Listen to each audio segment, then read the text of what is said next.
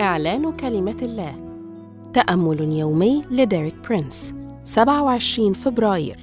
امتزت عجباً.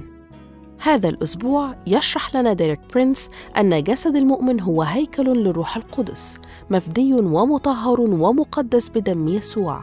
واليوم يوضح لنا مدى براعة الله في خلقه أجسادنا.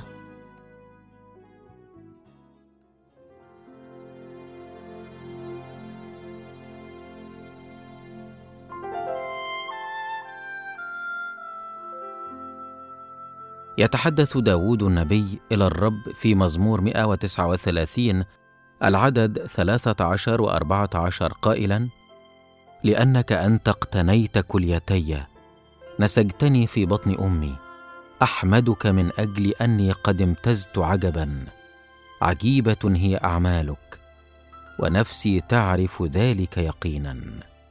وبكلمات أخرى يقول داود يا رب لقد كنت موجودا في هذا الوقت. أنت من نسكتني وأنا بعد جنين في أحشاء أمي. وأنا أتساءل عن مدى إدراكنا بأننا خلقنا برهبة وإعجاز.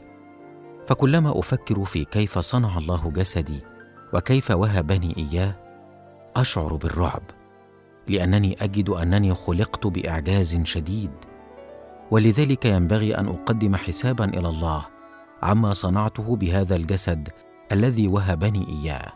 واليوم أنا أرى مدى اهتمام البشر بأجهزة الحواسب الآلية وهي حقا أجهزة رائعة ولكن أود أن أشير إلى جسد الإنسان وهو مع الفارق الشديد يعد أكثر الأجهزة روعة في الكون كله ومع ذلك يعطي كثير من المؤمنين اهتماما شديدا للحواسب الآلية أكثر من اهتمامهم بأجسادهم.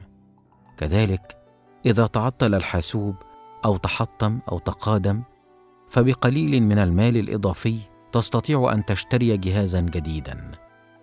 أما إذا توقف جسد الإنسان عن العمل فهذه هي النهاية. لا يوجد شيء آخر يمكن عمله فما أعظم أعمال الله. أشكرك يا رب من أجل دم يسوع وعمل روحك القدوس. أعلن بكل رهبة أنني مخلوق بروعة لأبعد الحدود. جسدي هو هيكل للروح القدس مفدي ومطهر ومقدس بدم يسوع. آمين. للمزيد من الكتب والعظات لديريك برينس قم بزيارة موقعنا www.dpmarabic.com